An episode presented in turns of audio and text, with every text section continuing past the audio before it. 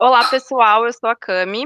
A gente está na nossa segunda edição do podcast do Siga Bem Investidor. No primeiro, a gente conversou com a Gi sobre fundos de investimentos no Nubank. E hoje a gente vai conversar com o Vitor Teodoro, que é o PM de renda fixa dentro do Nubank. Então, se apresentem para os nossos ouvintes, Rafa, que vocês já conhecem, e o Vitor, nosso PM.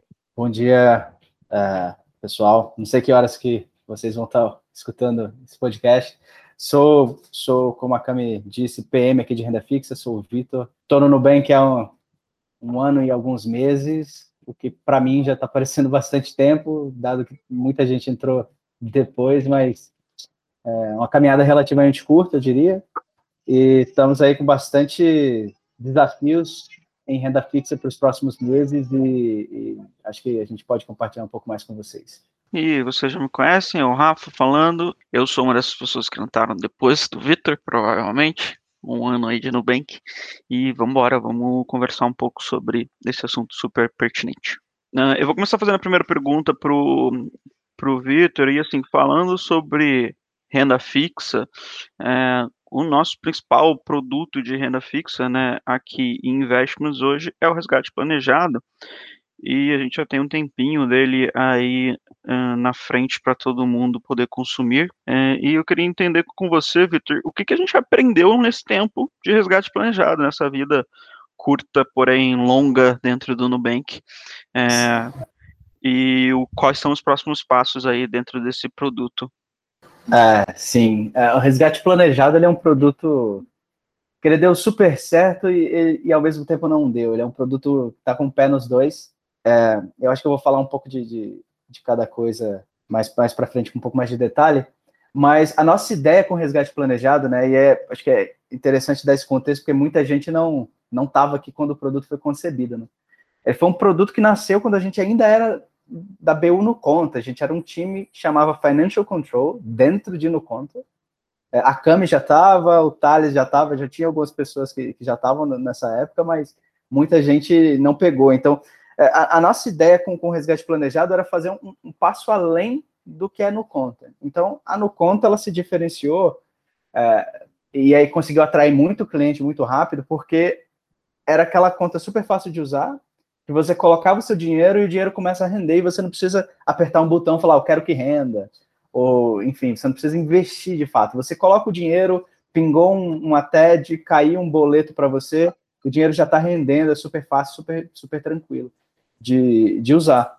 Só que rende 100% CDI, que é um rendimento que, se você olhar, é acima da poupança, a poupança rende aí em torno de 70% do CDI, mas é, alguns clientes queriam um, um, um, rendimento um pouco melhor, queriam produtos de investimentos que tivessem um, um rendimento um pouco melhor do que o 100% do CDI.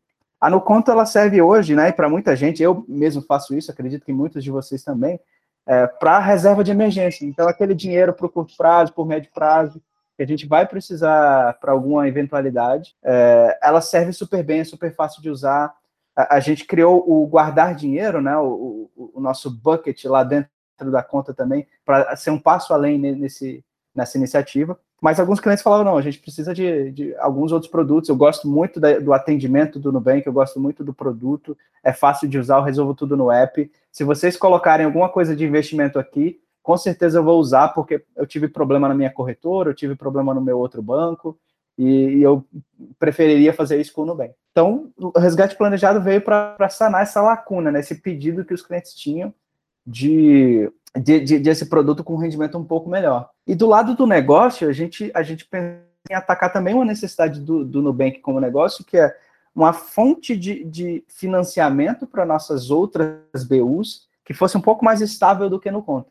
Porque o, o, reverso da moeda é que, assim, por ser tão simples para o cliente, ser tão fácil de colocar e tirar, é, essa complexidade não deixa de existir, né? A gente sabe que o mercado financeiro é complexo. E quem absorveu essa complexidade foi a gente no Bank.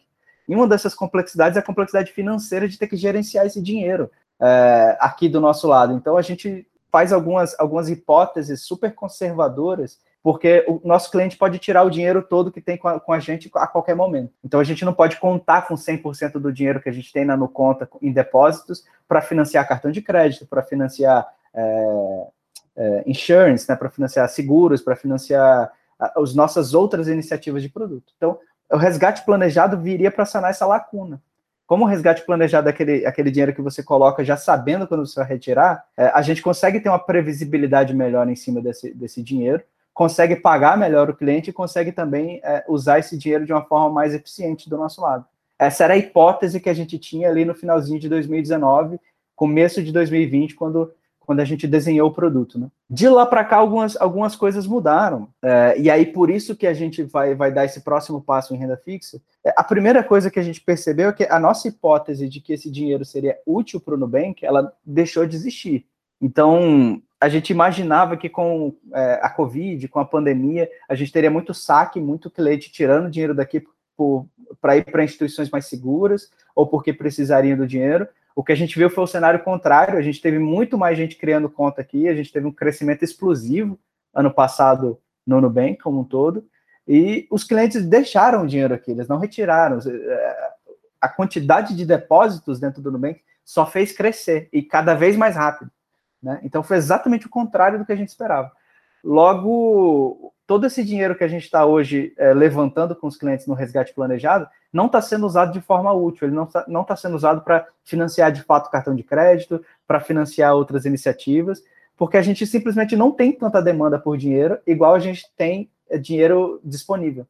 Então acaba que esse, que esse, que essa, todo esse bolo que a gente levanta e guarda fica ali queimando né, no nosso bolso, ele fica gerando perda financeira para o Nubank. Então, essa essa necessidade é, é, urgente que a gente tinha, né? De, putz, precisamos pensar num jeito de, de, de, acabar, de mitigar essa perda financeira, de reverter, né? E, e começar a ter um produto que é rentável, que está no azul, já começou a, a instigar a gente a dar o próximo passo em renda fixa, além de resgate planejado. Nesse meio do caminho, a gente teve também, acho que ali em setembro, outubro, não me recordo, a notícia da aquisição da Isinvest, que veio para é, colocar mais uma pimenta nesse molho.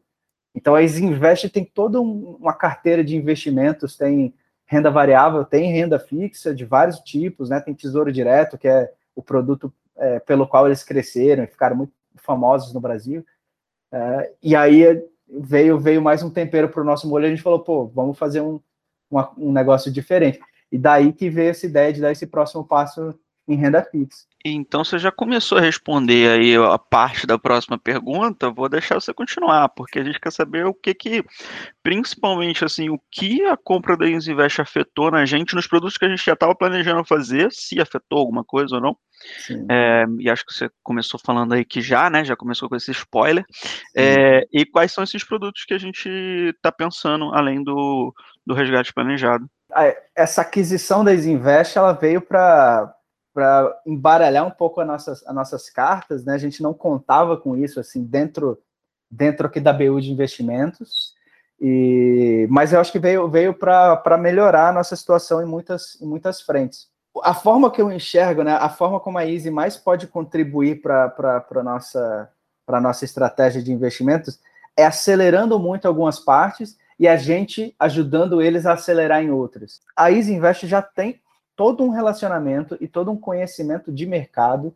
É, então, acho que muita gente não sabe, mas a Isinvest é uma empresa que tem décadas de existência. Então, eles têm esses relacionamentos já estabelecidos com, com bancos, com é, a própria B3, né? É, já de muitas décadas, e eles conhecem essas pessoas e, e, já de muitas décadas, sabem como o mercado funciona, de uma forma que a gente ainda demorar muito para aprender.